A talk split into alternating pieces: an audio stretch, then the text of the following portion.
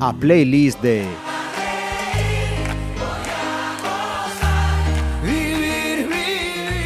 Saludos, llegamos una semana más a la playlist. Sin duda, tenemos hoy a una number one, pero yo me atrevería a decir que a dos number one. Una, seguramente la conoceréis más, a Cora Sayers, y vamos a indagar, vamos a fuchicar en la vida de Cora Velasco. Muchísimas gracias por aceptar nuestra invitación, Cora. Ah, gracias, Mira, a vosotros por invitarme a venir.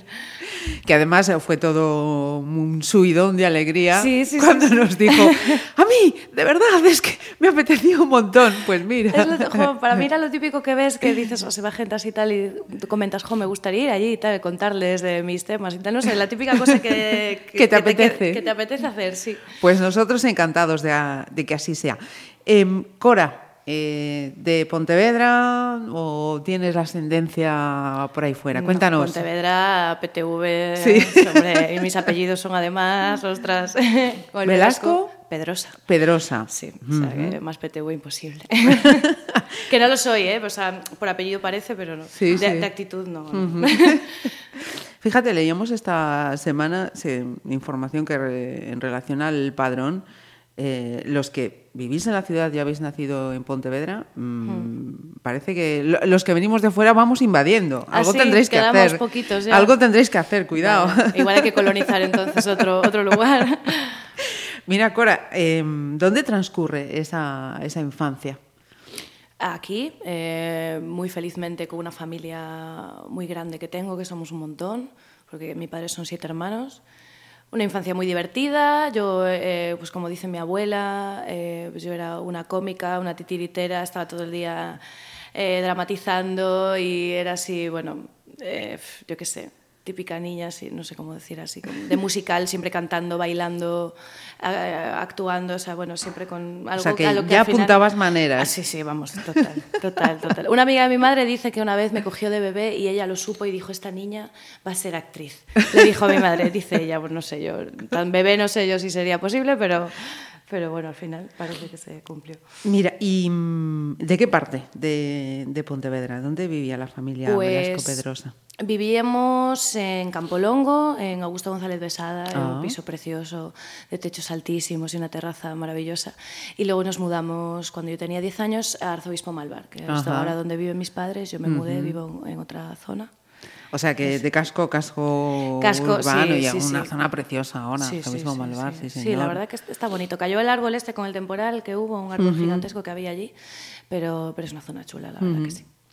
¿Y Cora tiene más hermanas, hermanos? Sí, mi- tengo una hermana mayor que se llama Paula, que tiene, tiene tre- eh, 33, tre- va, 33 va a cumplir, que no me mate ya. Eh, y ella precisamente fue un poco la que me metió el gusanillo de, de- también de cantar y todo ¿Sí? esto. Sí, porque ella canta súper bien. Bueno, mi familia, eh, mi tío canta ópera y mi, mi abuelo cantaba también genial. O sea, hay como ya pues una estela, ¿no? Y, y eso, mi hermana canta súper bien. Y ya desde pequeña me ponía a cantar con ella las canciones de los Hanson. Lo que pasa que a mí me mandaba a hacer, como yo decía en ese momento, la voz fea, que era como la voz grave. Y ella hacía la voz aguda con las subiditas y bajadas y tal. Pero en realidad con la que empecé a cantar fue con ella, en los pasillos de casa. sí. Si tu hermana es la mayor y tiene 33 años, preguntarte cuántos años tiene, tiene que ser envidiable. Bueno, 26 voy a cumplir en envidiable, junio. envidiable. 26 añitos en, en junio. Mira, y me llamaba la atención eh, un tío que cantaba ópera. Sí, mi tío, mi tío Enrique, que le llaman Picho, pues él canta, canta ópera, estaba en el, en el- Bueno, ópera, igual me estoy columpiando. Él estaba, eh, creo que en el coro de, San- un coro de Santiago y giró por todo el mundo cantando en una coral y es... No es tenor ni es... es, es, bueno, eh, lo que es- eh, ahora no me va a salir cómo A mí me vas a pillar totalmente. no es tenor, vaya, ni es grave, es... eh, Barítono. eh, Barítono, yo creo que es barítono. Bueno, igual estoy aquí. bueno, ya lo escuchará esto y ya dirá, Cora, infórmate antes de hablar. Pero sí, mi tío canta espectacular. O sea, Ajá. Es una pasada, una voz increíble. O sea, ¿y esta vena te viene por parte de tu padre o por de parte mi madre. de tu madre, de Luego los Pedrosa? mi padre toca la guitarra genial. O sea que, bueno, ya era, era difícil. Es que había, había muchas estelas ahí apuntando, tenía que ser sí había o un sí. Bagaje, había un bagaje, sí, señor. Mire, me llamaba la atención, mm, porque os cuento un pequeñín secreto. Cuando hemos entrado aquí al estudio Pontevedra Viva, estaba sentadita en la silla y dice, uy, voy, voy a mirar a ver qué se ve por la ventana. Y, y- esa vista que tenemos eh, mm, por la ventana lateral de- del estudio Pontevedra Viva resulta que de alguna manera eh, la retrotraía a la casa de, de su abuela. Sí, Dice, sí. Yo veía aquí una esquinita. Sí, bueno, mi abuela vive aquí en Michelena, eh, justo encima de Soya. Y, y, bueno, y eran, pues, nos junta cada vez que venía la familia y tal, pues, eso somos un montón, nos juntábamos ahí, jugábamos todos los primos y típico que te asomas así a la parte de atrás y yo veía las galerías de la Oliva y, y, bueno, no sé si es un poco macabro decir esto, pero de pequeña recuerdo ver las galerías que tienen así como una uralita blanca en la parte de arriba, no sé decir. Y, yo- y yo pensaba que estaba enterrado mi abuelo ahí, no sé por qué asimilaba que eso era una tumba y estaba convencidísima. Yo, qué bonito, ¿no? Que se ve desde casa de la abuela. Luego, pues uno crece y ya se da cuenta de que no, no es así. Bueno, pero tenías esa cosa bonita, ¿no? Esa frase que acabas de decir, mira, se ve desde casa de la abuela, ¿no? Tampoco lo eres Sí. algo... A mí me parece un recuerdo... Puede, puede ser, no sé. Yo Desde esa perspectiva infantil, ¿no? Sí, desde la inocencia total Sí, y sí. absoluta, vamos. Mira, em, tu lista Sí, comienza por el panorama nacional. comienza por el panorama nacional. Ese número uno. ¿Por Uf, qué? Ostras. Hombre, Los Planetas yo creo que es un grupo, bueno, es mi grupo favorito español y, y, bueno, son, yo creo que han sido importantes para varias generaciones y mira que a mí ya me pillaron, o sea, a mí me pillaron muy pequeña porque, claro, yo nací en el 91, ahora mismo no recuerdo qué discos andaban por esas fechas, pero... Pero a mí ya me, me- me pilló cuando lo empecé a escuchar, ya estaba en otro momento, ¿no? Pero esta canción de viaje, eh, uf, es, para mí es, es la mejor de ellos y yo creo que para muchísima gente, o sea, es como una especie de, de himno, ¿no? Ajá. Y, y de hecho me gustaba tanto, tanto que unos amigos por un- mi cumpleaños me regalaron un iPod y me, me grabaron en la parte de atrás los planetas de viaje. Pues, Anda. Sí, yo estaba obsesionada con esta canción, me encanta, es súper bonita, los planetas, Pues mucho. venga, comenzamos con ese de viaje de los eh, planetas en esta playlist de Cora.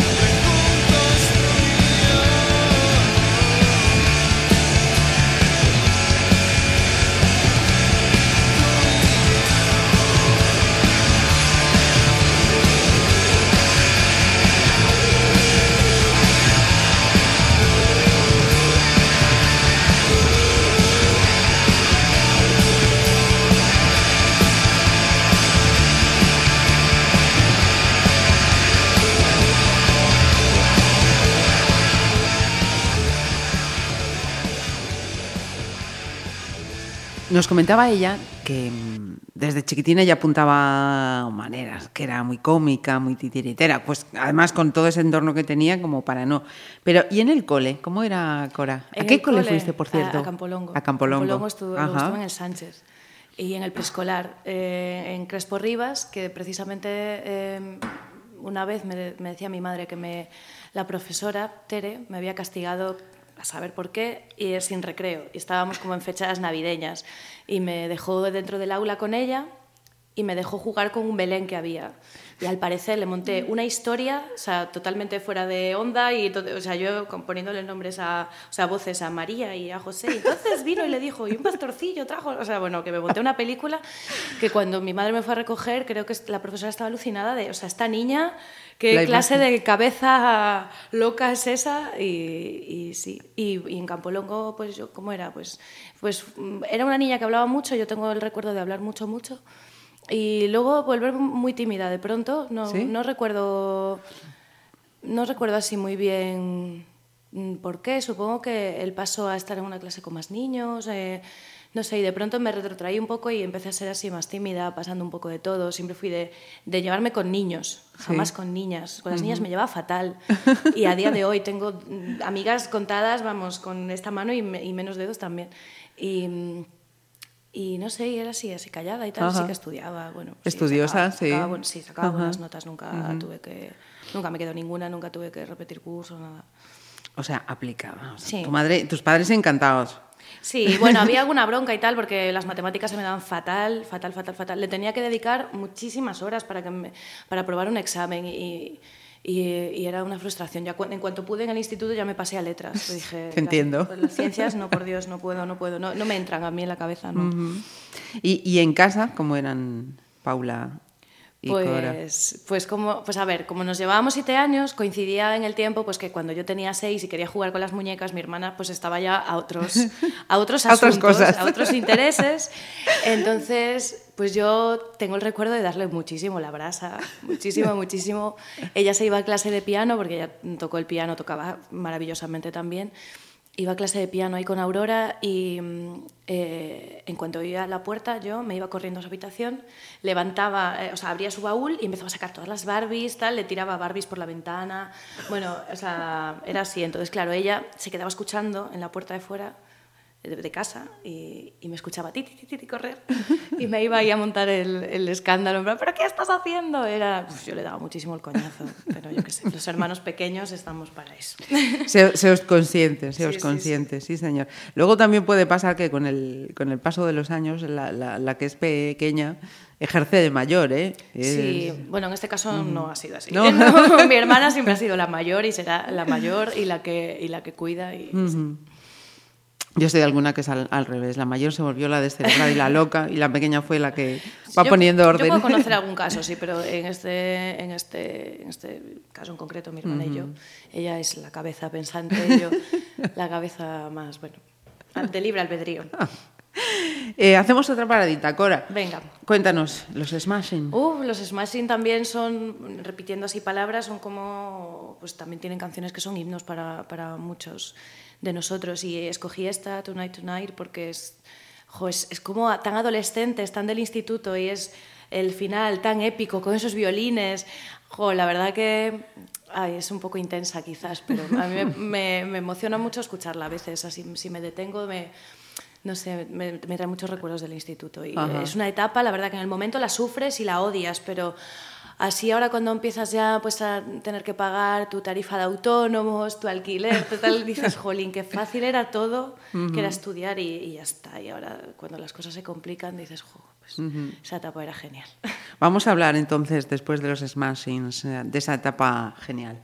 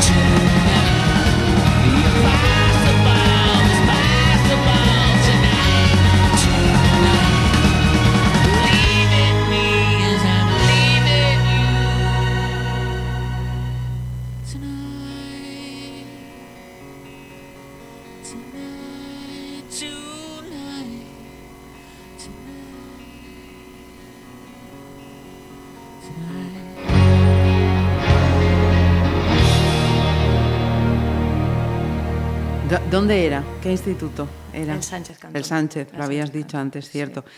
Y mm, eso, cuando uno está ahí dice, "Fu, qué latazo, con lo bien que viven todos, ¿no? Yo tengo que estudiar, tengo que tener una disciplina de horarios y luego efectivamente se ve de, de otra manera. Eh, esa Cora, que se fue a letras, escapando de, Sí. de las, de las, de las mates, eh, ¿cómo era también con su, con su entorno? ¿Eras de las que salía a casita o de las que empieza a, a despertar? Sí, ¿O se Yo, yo salía, yo salía en el instituto, fui de mi grupo de amigos, fui la primera que empezó a salir, ellos pues iban, también eran chicos, iban yo creo que un poco más retrasados ¿no? en ese sentido. Y sí, sí que me gustaba mucho salir. Ahora ya no me gusta. ¿No? no, no mucho, no, la verdad es que no. Pero sí que me gustaba y, y, y, y sí, era la típica, era muy pesada porque íbamos, pues claro, antes se, se bebía en la zona, yo llegué a vivir esa etapa. Y yo era súper pesada porque iba con mis amigos, pero me iba parando con todo el mundo a hablar, porque conocía pues a esta de ballet, conocía a esta de tal, conocía a esta de, de cual, entonces pues, y mis amigos siempre me decían, es un coñazo salir contigo porque no estás con nosotros, estás con 800 personas porque vas ahí, hola, tal, no sé qué, tal. Sí, Em, acabas de mencionar el, el ballet. sí. Yo, ¿Cuántos el- palos has tocado ya desde pequeña? Pues la verdad, y, no sé si. Bueno, y fui a piscina también, pero se me daba fatal. No sé, voy- ahora nado, que es un, vamos, un horror. Eh, ballet fui pues en la escuela de Ima y de François Vaganova desde los tres años, yo creo, hasta los 15. Ajá. Y tengo tres títulos de los siete que son de danza clásica. Y el primer recuerdo que yo tengo de querer ser algo eh, fue bailarina de ballet. Lo que pasa que no tengo condiciones físicas, no tengo un buen pie, no tengo un buen andeor, no... Eh, espera, tradúcenos. Lo de no tengo un buen pie y no, Claro. tengo, no me voy a atrever ni a pronunciarlo. Claro, eh, cuando hablo del pie, eh, al estirarlo, a mí el, el segundo dedo, dedo se me monta encima del gordo. Entonces, eh, para que quede un pie que parezca que está estirado, tengo que hacer muchísimo, muchísimo esfuerzo. O sea, yo creo que hay algo físico ahí que a mí me impide tener un pie para, con un empeine bonito y con un empeine pues, útil, digamos, para la danza. Y luego el otro es el andeo, que es como, pues a ver si voy a decir una barra basada aquí, pues como la apertura de la cadera, digamos, la flexibilidad Ah. de la cadera y yo forcé mucho porque no lo tenía y pues yo qué sé, también tienes 14 años y tampoco haces ejercicios complementarios porque pues, pues, no es lo tuyo, sabes que no es lo tuyo. Y así acabé teniendo una lesión en la rodilla, Anda. un- sí, porque forzaba de la rodilla, entonces... Pero sí, yo, y de hecho volví este año, porque hace un año y medio que estoy de vuelta en, en Pontevedra, después de volver de Madrid, y, y yo lo intenté en el gimnasio, lo intenté, de verdad que lo intenté, pero no me gusta nada, no me gusta nada ir allí. O sea, al principio sí que iba motivada y tal, pero luego al final cae por su propio peso, no, no. Sí, no me era lo tuyo. No, No era volví. Que no es ballet tal cual, sino que son clases que combinan pilates y demás, pero también hay exalumnas, de algunas las conozco yo, de, de mi época y tal. Y, jo, es una maravilla volver a ballet. Y me han dicho, me decían estos días, una vez que supimos que venías de, de invitada, que ya desde chiquitina andabas por ahí pululando por el tema teatro. Sí, bueno, yo empecé en teatro eh, con Andrea Bayer, que estuvo aquí también, eh, a los seis años en la Asociación contra el Cáncer que estaba enfrente de mi casa, en González Besada. Y ya también te- me- Andrea le decía a mi madre que yo me inventaba los textos, o sea, que improvisaba, decía lo que tenía que decir, pero luego ponía yo de mi cosecha un montón de historias. Y, y seguí con ella hasta, hasta que se me acabó el cole. Y luego me quedé sin, sin Andrea. Fui, ¿dónde, ¿Qué hago yo ahora? Por Dios, sin, sin ella. Y, y estuve matriculada en clases extraescolares en otro cole para seguir con ella, en la Sonqueira, Ah. porque no me lo quería perder. Y luego ella se fue a Santiago con Valitún, yo creo. Sí. Pero nada, ahora nos ha vuelto a juntar el destino. Bueno, más bien ella, porque me vio en Pontevedra, me dijo, "Ah, estás de vuelta, tal, pues eh, te voy a llamar para Baobab y tal. Y, y así fue. Y... Pues luego volvemos a hablar de, de Baobab. Vamos a hacer otra pausita. Eh, a ver si lo digo bien. Yo, yo- yo con cada invitado siempre aprendo algo. Y contigo también hay unos, un- unos cuantos. Eh, ¿En inglés todo Sí. o en castellano? En, en inglés. En inglés. P. J. Harvey. Perfecto. Vale. Cuéntanos, ¿qué, qué es lo que vamos a escuchar ahora y por qué has hecho Bueno, esta selección? PJ Harvey es eh, mi, mi cantante, bueno, cantante favorita, no, pero es mi músico favorita en, en el universo entero. Nunca sé si se dice en una mujer músico o música. Una Mm. música, un, un, mus- un- una músico, nunca lo sé. Podemos decir una música. Una, claro. una música, es que, es que suena... Suena así, todavía tenemos que habituar el oído. No, no consulté a la RAE, lo tendré que hacer porque a veces cuando me presento nunca sé cómo hacerlo. Y me- Artista, ¿no? O sea, así como artista no suena muy bien. Claro, pero a mí ar- la palabra artista no me gusta. Me- Explícame eso. Mm, Me gusta, o sea, yo creo que yo no soy un artista y la mayoría de gente a la que se denomina artista tampoco. Yo creo que artista es otra cosa y que en estos tiempos, pues porque es algo funcional y demás, se utiliza el término que engloba profesiones. Ajá. Yo me considero cantante y considero que también toco la guitarra, pero no soy guitarrista. Pero artista tampoco. Artista es alguien que realmente yo creo que, a ver, pues por poner un ejemplo clarísimo, pues David Bowie es un Ajá. artista. O gente así, no sé, yo no. Ujú. Ni siquiera sé si PJ Harvey lo es, no sé. Pues sí, PJ Harvey sí lo sería, pues porque tiene eh, también estas facetas de, de poetisa y, y demás. O sea, hay gente que, que ya lo ves como un perfil claro, pero yo no me considero. Y, y mucha gente que está a mi, alrededor y gente en España que son músicos y actrices y actores y tal, tampoco me lo parece. Ajá. Pero no es nada negativo, es Sí, que sí, yo sí, lo percibo claro, eh, claro. desde, esa, desde esa manera. Ajá.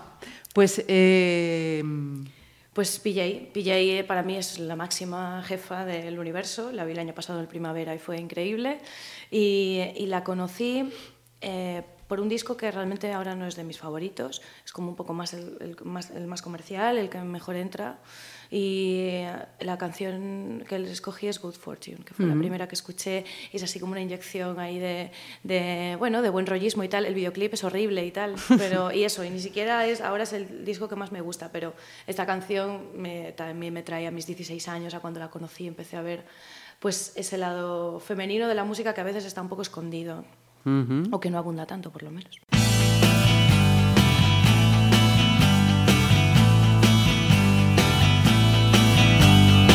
through my bad fortune off the top of a tall building.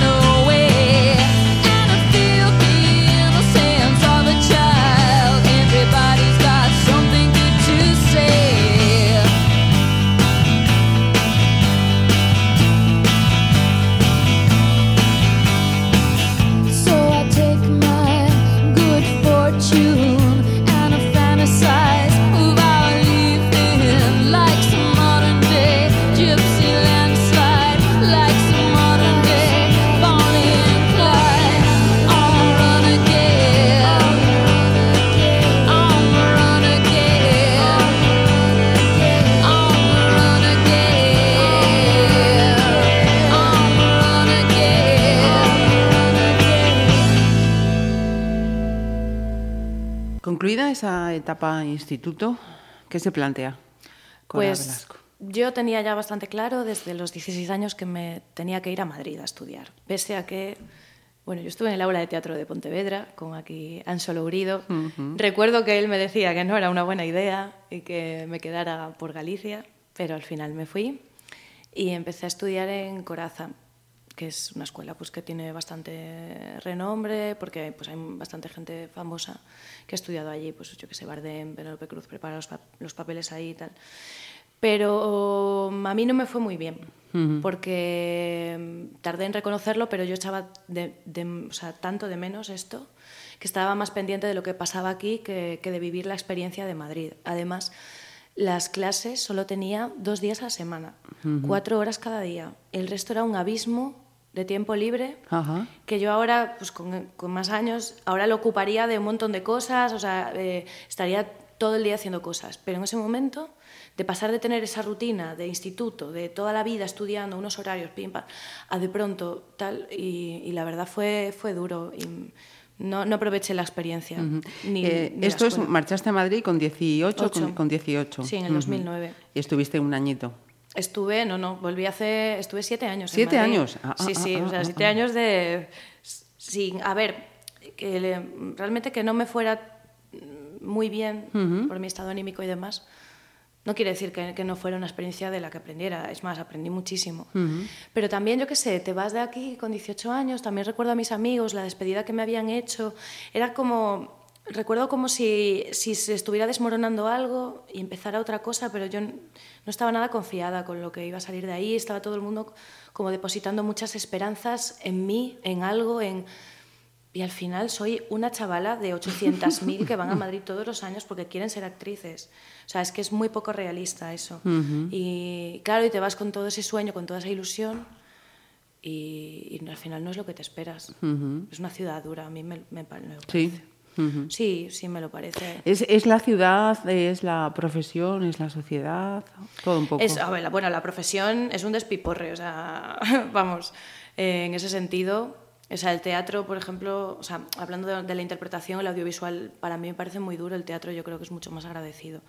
Y el teatro, lo- o sea, tiene una facilidad, lo puedes hacer en cualquier momento, en cualquier lugar. y, y la ciudad, no sé, tan grande, tanta gente, todo carísimo, es que no hay calidad de vida. Yo en Madrid no tenía calidad, o sea, es que luego vuelves a Pontevedra y, y realmente yo ahora disfruto esta ciudad que digo, es una maravilla esto. Es una maravilla llegar andando a todos los sitios, no tener que coger transporte público, las cosas a un precio razonable. Razonable. Claro, ese es, sí. un abismo, una ciudad, pues eso, llevable, como, como esta, Claro. a, una gran, a una gran urbe. Em, me ha alegrado tanto de ver en tu lista Antonio Vega. Hombre, y mira, o sea, bueno, esto Anda, Que es la portada está de- enseñando un tatuaje que lleva en el brazo. Sí, que es Anatomía de una ola, que es la, bueno, es, es su letra de- del disco de Anatomía de una ola. Anda. Sí, porque yo soy muy fan, muy fan, muy fan de Antonio Vega. Mucho. Eh, ¿Esto fue cosecha propia o te vino de tu Esto hermana, de, de, mi tu madre, madre? de mi madre. De sí. tu madre también. sí. Ay, a, mi padre, mis padres, o sea, claro, es que son muy jóvenes mis padres, tienen 53 y 55 y tienen a mi hermana de 33, es decir, y son, o sea, escuchan música, esta música la escuchan, me refiero, Sí, son sí. así, modernos en ese sentido. y, y- y mi madre es, pues, vamos, la mayor fan de Antonio Vega en el universo y de hecho nunca le gusta que cuente, o sea, no le gusta que cuente esta historia, pero yo siempre lo hago. Cuando se ver, murió, cuando se murió Antonio Vega, que fue el 13 de mayo del 2009, que esta- estaba yo a unos meses de irme a Madrid, yo estaba en plenos exámenes de segundo de bachillerato, nos cogimos un autobús y nos fuimos a Madrid con unas flores que nos dio una amiga de mi madre de la finca para dejárselas en la capilla ardiente en la SGAE. Bueno. Y yo estaba, de, o sea, insisto, de plenos exámenes de segundo de bachiller. Eh, de hecho, llegamos el jueves a las 8 de la mañana y a las 12 yo me examinaba de literatura de todo el curso. Y fui estudiando en el autobús, mareándome porque aquello daba unos tumbos. Bueno, y la cosa es que, eh, claro, en la cola yo llamaba la atención porque era todo gente pues, de la edad de mis padres. Sí. Y me entrevistaron en todas las televisiones, en La Sexta, en Telecinco, Antena 3, en todos, eh, la radio. Claro, llegué al día siguiente al instituto y todos los profesores llamándome la chica de ayer, porque me habían visto todos. La chica de ayer, Y efectivamente. yo me había, me había, había dicho que estaba enferma, o sea, bueno, la peor excusa del, del siglo. Qué grande. O sea, Esto- toda una experiencia. Además, eso, compartirla Sí. con, con tu madre, una, una experiencia así. Sí, sí, la verdad que fue, bueno, fue muy triste, claro, yo qué sé. Fue, bueno, ya, pues, no sé, Antonio Vega era, era increíble para mí, o sea, para nosotras tenía un significado muy grande. ¿Y, y tesoros mm, por elegir una o Pues, tiene su Yo su creo motivo? que eh, inconscientemente llevé como una, un- una cronología mental, porque Tesoros fue con, justo antes de irme a Madrid la canción que más escuchaba. Eh, no sé muy bien por qué, me, me enganchó enseguida también el significado, ¿no? Habla de su padre, de la profesión de su padre, de que siempre estaba ahí para los demás y demás. No sé, o sea, realmente me costaría quedarme con una sola, o sea, yo creo que es imposible. Pero esto es de como de los discos más, no de los primeros, los primeros que son súper ochenteros también me gustan un montón. Entonces, bueno, pues puse esta un poco por, por la cronología esta Pues se haga el silencio que llega Antonio Vega.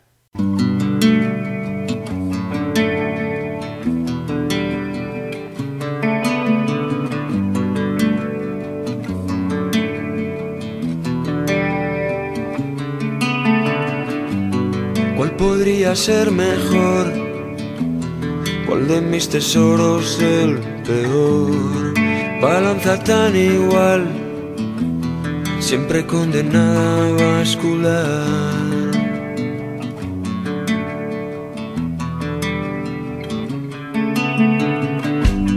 Nunca pudo decidir, siempre tuvo cerca su botín.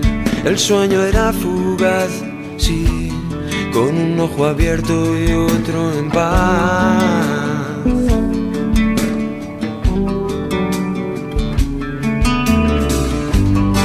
Suena un despertador y él da la vida sin ser Dios por una antigua vocación. ¿Qué haría mi animal si comprendiera que es genial?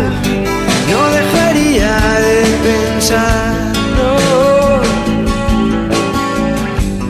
¿Cuál sería el menor? ¿Cuál de mis tesoros el mayor? Me inclino por dudar de los adjetivos, la verdad.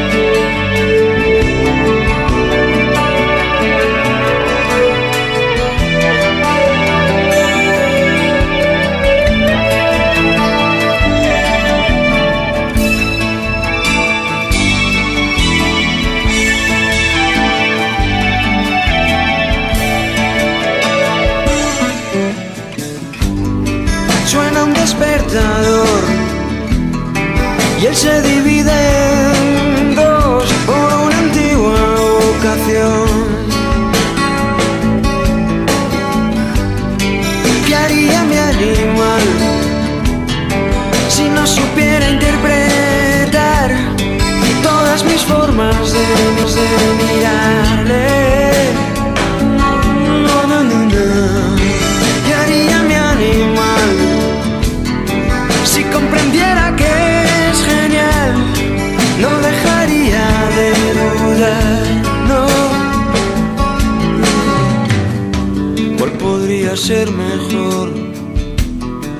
De mis tesoros es el mayor?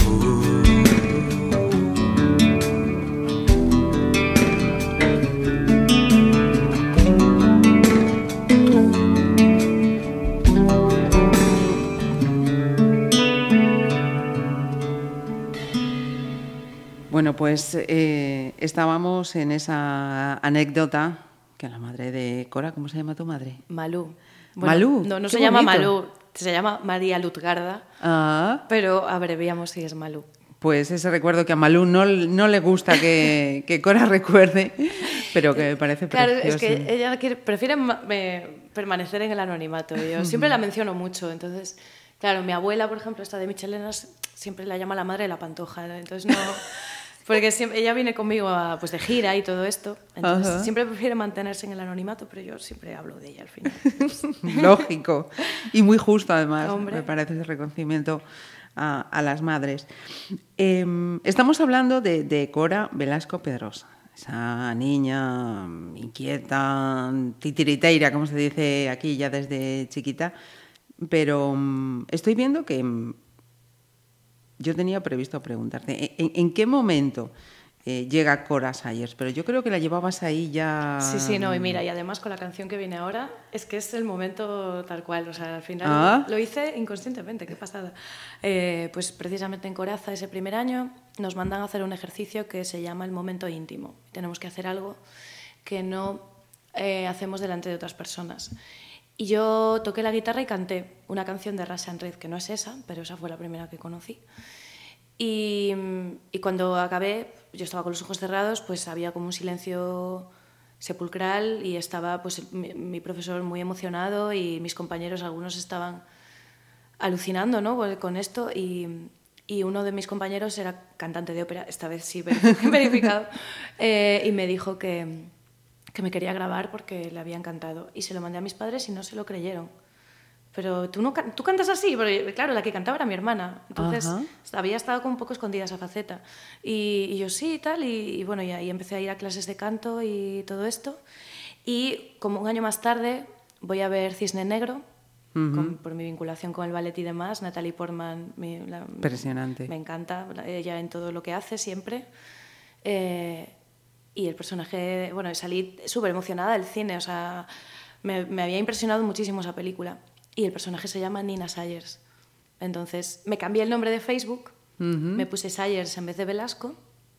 Y luego cuando empecé a tocar aquí en Pontevedra, que empecé con Querido Extraño, él no se sabía mi apellido, entonces me empezó a presentar como Cora Sayers. Ajá. Pero yo, no es una cosa que yo planeara, surgió así, entonces se me empezó a llamar Cora Sayers en el ámbito musical y ya me lo quedé. Ajá. Bueno, pues acabáis de conocer, aquellos que no la conocéis personalmente, esa preciosa historia de- de- del nombre artístico. Fíjate, la de sí. elementos que vienen ahí a enlazar para encauzar su, su prometedor futuro en este, en este momento.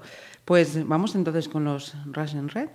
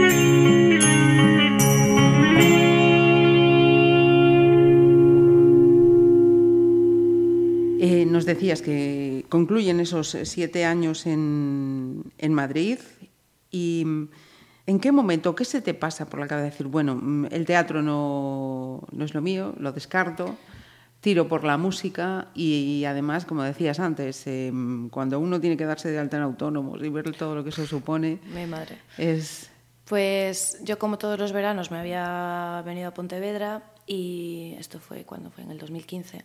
Y en octubre me volví, pero es que, bueno, yo a todo esto, como yo estaba bastante desocupada, bueno, estuve con proyectos de teatro y demás, pero tenía así mucho tiempo, estudié turismo, me saqué un módulo de FP de superior de guía, soy guía, yo trabajo, o sea, tengo una empresa aquí en Ponte, trabajo para el Concello, hacemos eventos, Ajá. visitas guiadas, bueno, se llama Turiña. Repítenos. Turiña. Y Lo habéis anotado todos, ¿no? Pues eso. Con mi compañera Rocío, que, está, que es socia de Bonobo también, actriz. Ajá. Y nada, y la cosa es que, bueno, pues me volví a Madrid después de las prácticas y de haber entregado el trabajo de fin de grado y todo, sin nada que hacer, sin nada. Y a los dos días dije, yo me vuelvo a Galicia, porque por lo menos, mientras pienso qué hacer, pues estoy en una ciudad que es más barata y no tengo que pagar un alquiler y no tengo que estar. Y fue así un poco pensando qué hacer y no, no fue tanto eh, dejar la interpretación, ¿no? fue más dejar Madrid.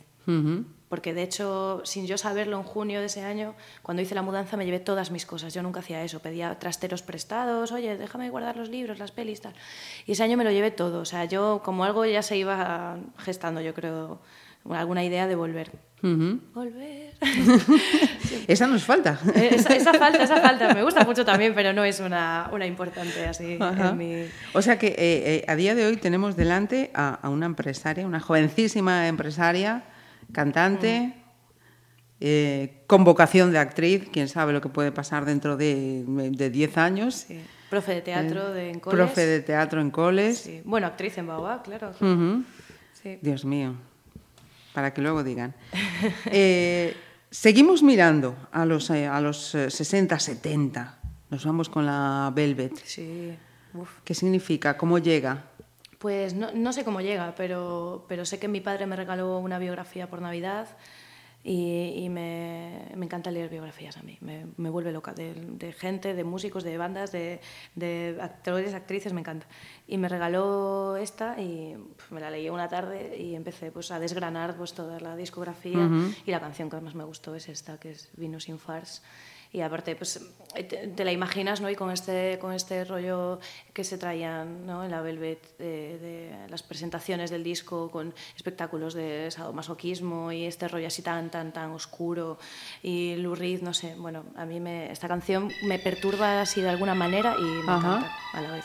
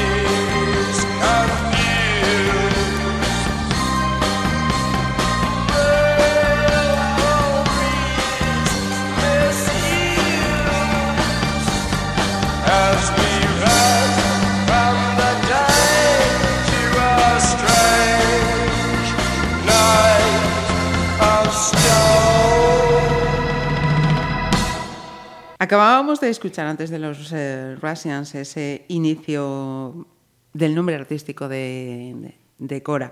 Y nos ha mencionado a Querido Extraño, Sí. una de las formaciones por las que has eh, ido Sí. pasando. Em, ¿Cómo se ve desde dentro ese estar en el panorama musical de, de la ciudad? Eh, pues, pues muy guay, la verdad. A mí me gusta, me gusta mucho. O sea, hace, hace tiempo que no toco aquí, ¿eh? quiero estar una temporada sin tocar, pero, pero muy bien. Y, y además Pontevedra pues, tiene una cantera musical increíble. O sea, Ujú, cierto. Es una cantidad, o sea, una, una pasada la cantidad de grupos que hay aquí y de tan diversos palos, porque hay desde metal hasta pop, hasta electrónica. O sea, hay, hay la verdad que no sé qué pasa aquí. no sé qué, qué aires trae la ría, pero, pero así Pero es. sí que, que inspira y hace que haya mucha actividad eh, musical.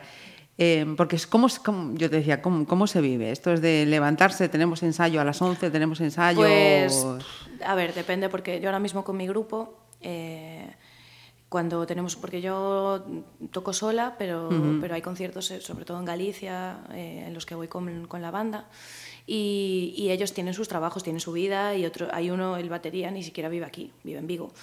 Ni siquiera en Vigo, es como un pueblo, pero ahora mismo no, cerca de Nigrán. Entonces, para coordinar ensayos a veces es... Porque de hecho uno de mis compis, el bajista Pedro, eh, trabaja de, eh, en turnos, pues mañana, tarde o noche, pero Nico, el guitarrista, trabaja por las tardes en Bonobo, que es profe de guitarra y de batería, de batería es también, bueno, es profe en Bonobo, y, y claro, a veces para compaginar es, es un desastre. Pues depende, yo, yo cuando estoy en casa cojo la guitarra, los momentos que puedo, luego todo el trabajo de, de booking, todo lo hago yo, y eso son muchas horas. Eso, O sea, cuando, cuando tienes que organizar algo en concreto, ¿no? Cerrar por aquí no, no lleva nada, pero... Entonces, bueno, yo no ensayo ni siquiera todos los días. De hecho, a mí me gusta eh, darme una semana, diez días a lo mejor de respiro, Ajá. porque luego cuando cojo la guitarra me, me noto mejor. Si no, no sé, no sé por qué me pasa eso, pero, pero sí que lo... Ayer hacía mucho que no ensayábamos todos y fue un ensayo pues muy bien.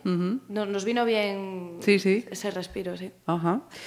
Em, vamos con, con unos míticos. Bueno. Ahora, casi en el ecuador de, de esta playlist. The Doors. Uf. Tremendos. Hombre, y de esto también tengo historia que contar, Sí, historia friki, por favor. donde las haya. Cuando fui con mis padres y mi hermana a París, yo ya había estado, pero no había estado en el cementerio de Père Lachaise, que es donde Ajá. está encerrado, eh, uy, encerrado, enterrado. Sí, encerrado. encerrado también. Yo me, me había comprado un libro en Madrid sobre la, la biografía de Jim Morrison y estaba, estuve como un año obsesionada con la música de los Doors y con el personaje en general. Ahora ya no. y la cosa es que, bueno, fuimos a ver la tumba y tal, está muy protegida, tiene como una tumba delante, tumbas a los lados y tal, porque en los primeros años la gente hacía de todo ¿no? en la tumba. Así que, bueno, pues yo salté la valla y cogí un papel cebolla y una cera que me prestó una chavala americana que había por ahí y grabé la lápida así, borrando así, bueno, pasando el, Sí, sí. por encima y, y la plastifiqué y fue mi cabecero en Madrid durante mucho tiempo.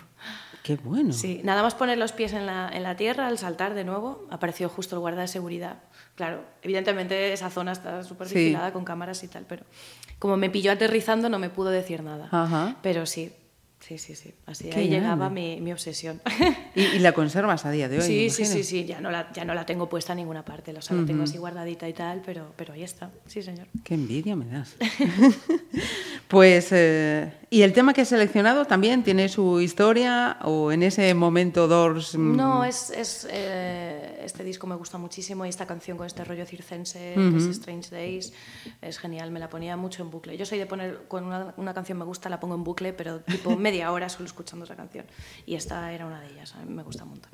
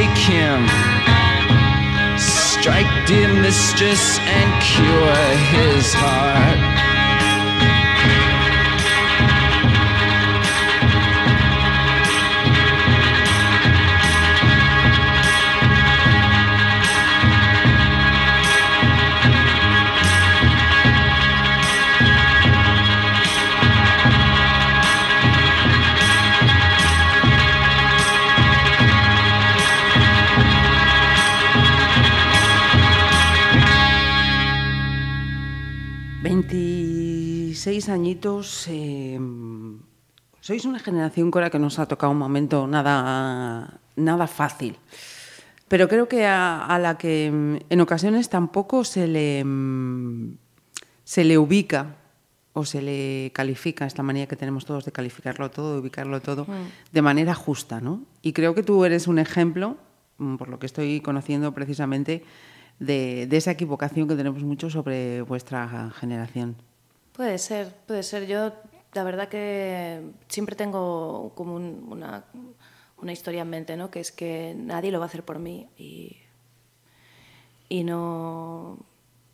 Si yo no me muevo, es que no se va a mover nadie. Entonces, si tengo que pensar, o sea, a mí me gusta mucho pensar qué, qué cosas hacer, inventar, crear movidas, me, me gusta mucho.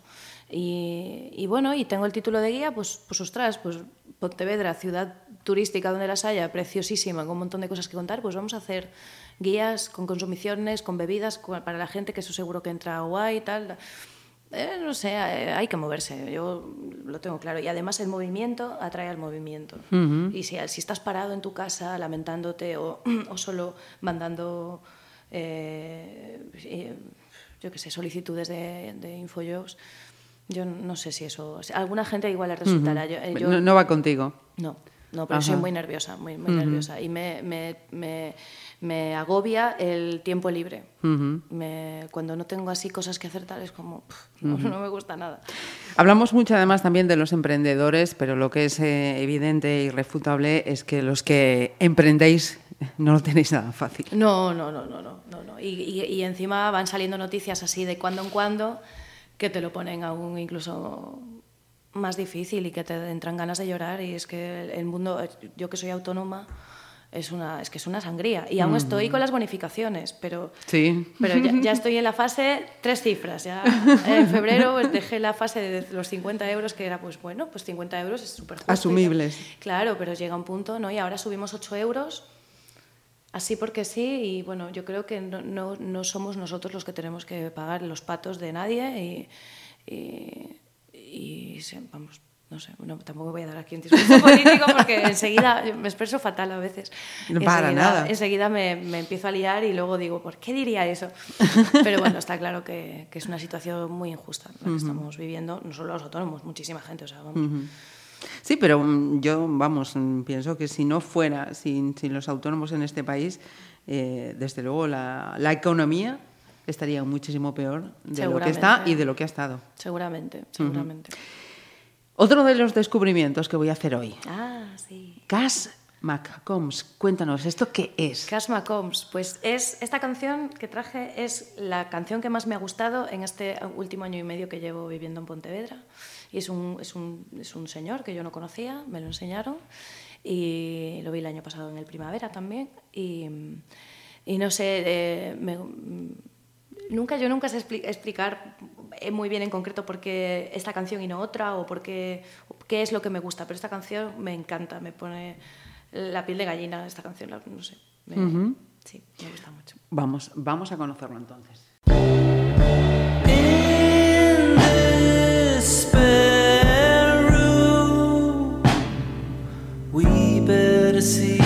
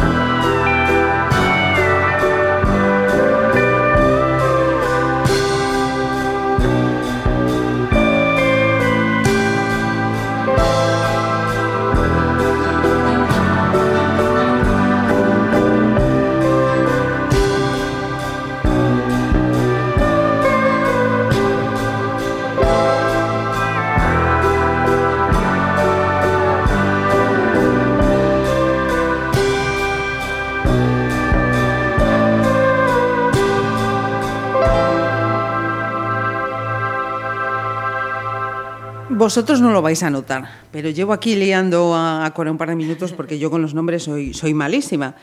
Y, y mientras estábamos eh, hablando, charlando en esta playlist, yo, yo miro a Cora y digo, hay momentos en los que me recuerda a Leonor Watling y momentos en los que me recuerda a Elena Anaya, pero no era capaz de quedarme con los nombres. O sea, yo veía el- los nombres en las caras de ellas y la tuya y digo, está ahí en una mezcla y no salían los nombres. es bueno, pues hemos salido de la duda. Un buen halago, la verdad. La verdad que sí lo es. Mm, y además con tu vinculación con el, con el cine, perfectamente, perfectamente. Eh, estábamos en ese descubrimiento de Casa McCombs. Em, he visto, corrígeme, que tienes ya eh, dos álbumes, ¿no? Sí, tengo un EP y tengo un LP. Y este año saqué un single que yo no sé si cuenta como, como, Cuenta, cuenta. como disco, entonces tendría tres. Todos los tipos, no sé, me falta. No sé si me falta algún. Bueno, sí, en vinilo, claro. Eh, ¿Cómo definirías tu estilo? Me- cuando me preguntan eso nunca sé qué decir porque, porque yo no, no, no, lo- no lo sé muy bien. me han escrito de uno de los locales donde voy a tocar en, ahora en, en, en Burdeos y En Burdeos. sí, sí, arranca la gira europea la semana que viene. Y mm, eh, me preguntaba, ¿qué estilo pongo que eres? Y yo pf, le dije, porque claro, con la guitarra soy una cosa, pero luego con la banda suena otra también. La verdad es que no lo sé decir. No sé, por momentos me parece pop, por otros me parece eh, rock, por otros algo de folk, es que no lo sé, la verdad. Yo pues... Que vengan, te escuchen y te Exactamente, vean. exactamente. Invito a que la gente entre en YouTube, que entre en Bandcamp o lo que sea y que lo vean y que vayan a los conciertos. Eso sobre todo, eso sobre todo. Lo, lo vamos a recordar luego, pero mm, hablando de, de esos tres trabajos que, que has hecho, es muy, muy complicado sacar adelante. Sí, sí, sí. Sí, es, es un rollo. ¿Cuál es la fase más complicada, lo que te resulta más, más complicado? Em, pues yo creo que decidir cómo, cómo, cuándo y dónde se va a hacer todo, porque empiezo pues a ver, cuando, cuando grabé el LP lo grabé en, en Coruña, en los estudios Monte Alto y, y fue, a mí me había pasado un tiempo mirando sitios, pidiendo presupuestos, cuadrando fechas, porque eso también es un horror. Entre, claro, la gente, pues, mm, yo qué sé, mis compañeros tienen que trabajar y tal. Para mí eso, organizar ese tal, es lo más tedioso. Luego grabar está genial, claro. Es, es agotador, es agotador. La, la verdad que el, el disco fue una paliza. Estuve todos los días allí y la voz se me resintió un montón, dormíamos muy poco. Fue un, er- un error eso. O sea, yo no sé, para las, las próximas eh, grabaciones que haga, que espero que una caiga este año, eh, yo creo que me ausentaré o del estudio, de Ajá. delegar el trabajo a otra persona o, o, o lo haré en días muy separados para, porque sobre todo que prime el descanso. Me parece algo súper importante, la verdad que sí. Ujú. Sara Vaughan. Sarah Vaughan, sí. También otra de mis descubrimientos, fíjate tú, me he quedado ya ahí anclada. Ya. Una cantante increíble, mi cantante favorita. ¿Ves? Antes te decía Billie Harvey, pero no, es, es Sarah Vaughan. Tiene una voz impresionante y, o sea, de cantante de jazz y de blues, la que más me gusta, sin duda. Me, encan- me gusta mucho la Fitzgerald y me gusta, Ajá. pues, Aretha también, eh, Billie Holiday, pero... Y esta, para mí, esta canción es mi canción favorita para cantar por Sí. casa, sí, en la ducha, fregando los platos. Es, es de mi repertorio de canciones de cantar en casa. Bueno, pues eh, vamos a ver si Cora se arranca también mientras escuchamos.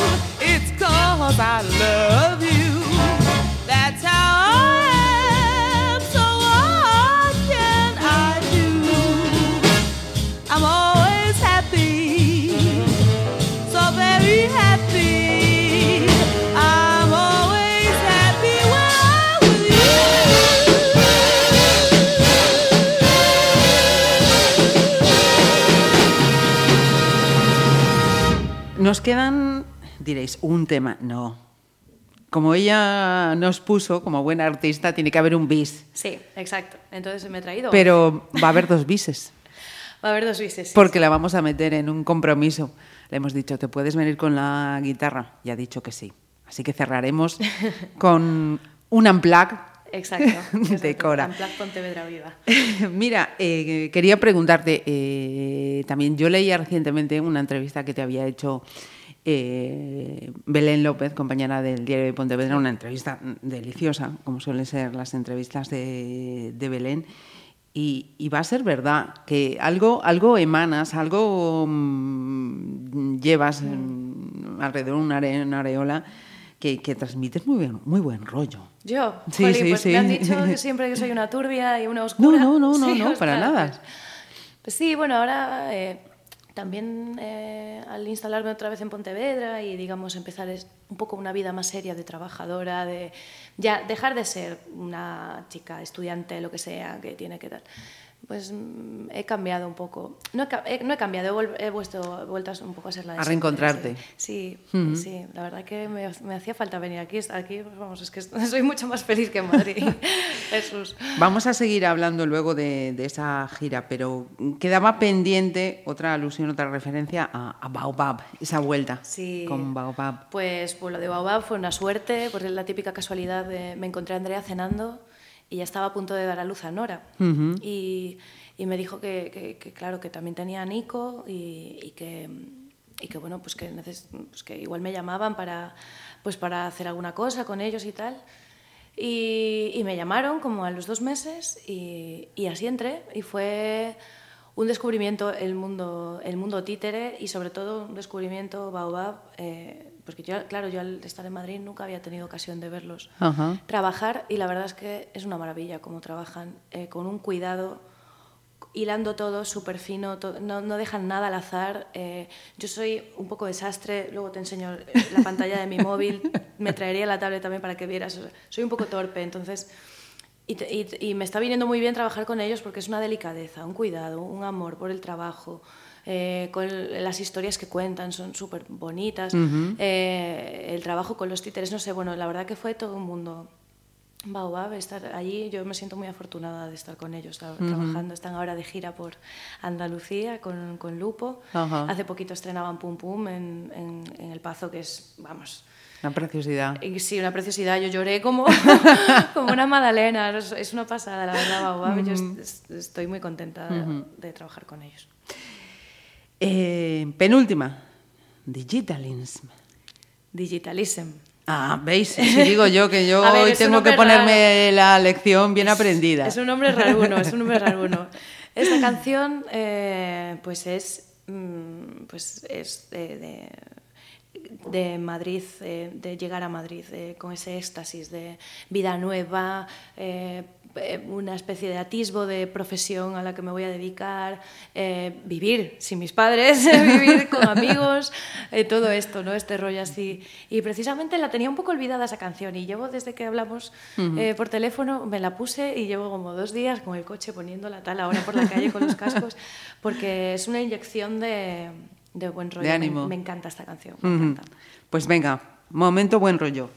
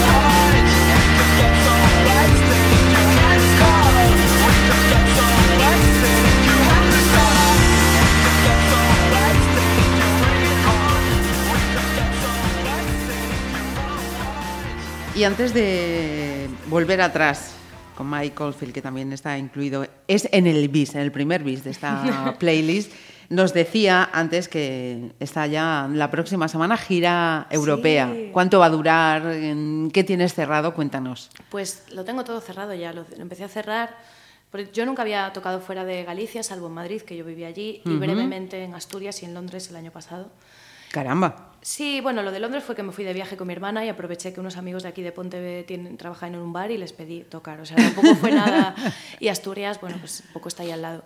Y entonces este año me entró la fiebre girar, porque yo creo que uno, para darse a conocer, eh, yo, creo que los medios ahora mismo están saturados de, músicos, de información. Ahora en Facebook, además, con la herramienta de, pagar, te sale publicidad y pop-ups de, de grupos por todas partes. Es decir, eh, hay un, está sobresaturado esto. Y yo además no soy publicista, yo no sé cómo venderme, yo me vendo fatal. Así que la mejor manera yo creo de venderse uno mismo si no lo sabe y tal es, es tocando.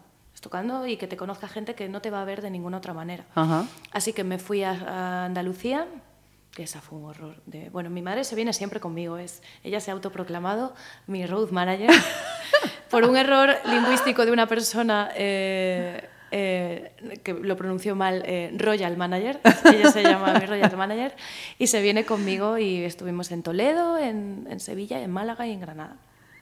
Y luego pues dije, pues estuve por el sur, pues ahora por el norte. Y me fui, en febrero estuve en Madrid, en Barcelona, Zaragoza, Gijón, eh, Ponferrada y en Lugo. Y eh, cuando estaba organizando todo eso aún, pues eh, veía a una chica que conozco que se llama Isa, su grupo, su grupo que es ella se llama Aries, y estaba girando por, por Europa. Y yo decía, jolín, qué envidia más sana, qué guay debe ser eso, eh, porque aparte aprovechas, conoces tal. Claro. Y dije, bueno, pues esto, a ver, a ver qué pasa aquí. Entonces saqué un mapa y empecé a trazar un recorrido que tuve que modificar varias veces, pero al final lo conseguí. Eh, empecé a escribir a sitios. La mayoría, bueno, el 90% de la gente no responde ni sí ni no ni nada. Ajá. y, pero al final conseguí en todas las ciudades que quería. Y entonces empiezo en Donosti, eh, luego voy a Burdeos, voy a París, Bruselas, Colonia, Ujú. Berlín y Copenhague. Caramba. Sí, la, claro, además, aprovechando yo decía, bueno, ¿a dónde quiero ir? Ya de paso que me muevo, Claro. pues decía, pues Luxemburgo, bueno, en Luxemburgo no debe haber nada, pues bueno, vamos a Bélgica. Eh, me hubiera gustado Ámsterdam, pero me fue imposible encontrar nada allí. Y Colonia decía, joder, qué catedral impresionante tienen, vamos a Colonia, que, que aprovechando mi ramalazo turístico me apetece ver esa catedral. Y así fue. Y, O sea que Malú y Cora y mi hermana. y tu hermana Mi y hermana, Paula. La necesitamos, la necesitamos, porque mi hermana es traductora Ajá. y eh, necesitamos, yo hablo inglés y francés también, pero a mí no me da la, la olla para enterarme de dónde están las estaciones, coge, ven aquí, sale allá, da el concierto, luego habla con la gente, luego vende el merchandising. Entonces necesité para las dos semanas que son un refuerzo extra. Así que se viene mi hermana, nos vamos las tres en autobús Qué grande. porque no vamos ni en coche ni nada, porque yo me saqué el carnet hace dos meses. y, y entonces, pues vamos en, en autobuses por ahí.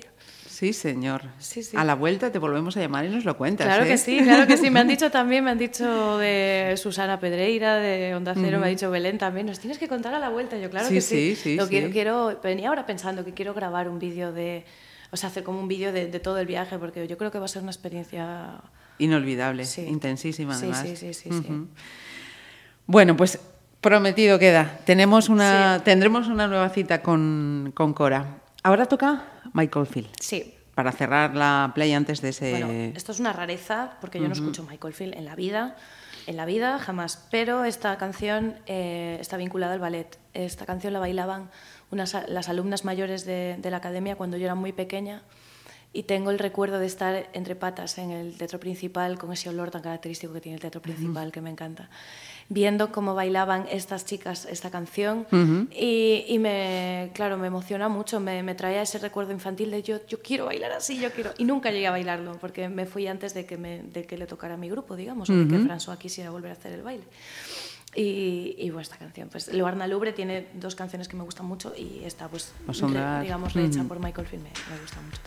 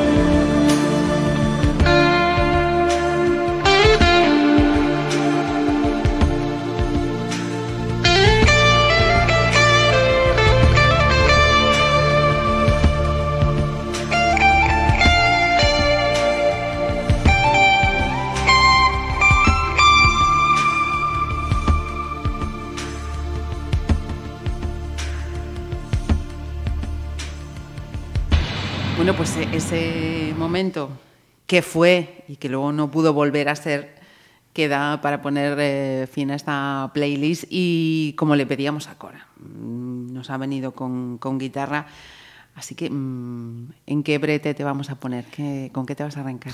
Pues la verdad es que no lo sé. Venía pensando yo que yo tengo una cosa un poco mala, que es que enseguida me canso de las canciones. en, un- en dos años y medio he compuesto 62. Caramba. Entonces, sí, es un buen número, que la mayoría no sirven para nada, o sea, las están ahí, están hechas y yo qué sé. Eh, pero mm, siempre estoy, enseguida cuando tengo así carne fresca, ya la, la otra ya no me mola. Además, como ahora el cambio castellano, antes cantaba en inglés, ahora es en castellano, las de inglés ya no las quiero casi ni ver. Pero no sé, pues voy a, voy a pensar mientras la cojo y afino Perfecto, eh, con qué me voy perfecto. a poner.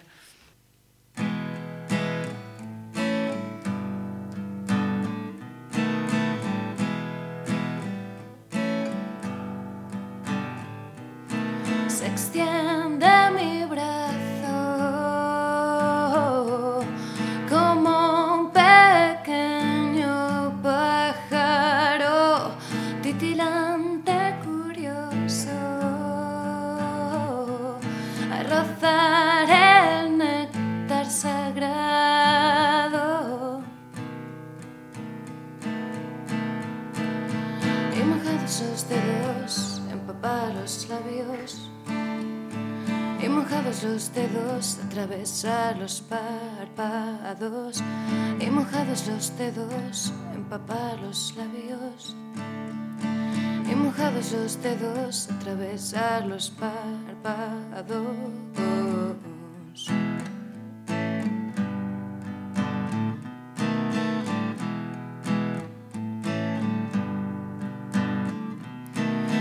extiende mi brazo como un cuervo milenario para dejar caer los frutos secos desde el más alto árbol.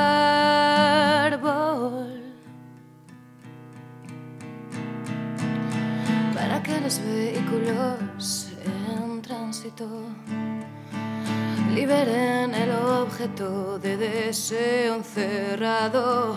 Quizás os esmaguen en mil millones de pedazos. Con eso yo no había contado. Quizás os esmaguen en mil millones de pedazos. Con eso yo no había contado. Quizás os esmaguen en mil millones de pedazos. Con eso yo no había contado.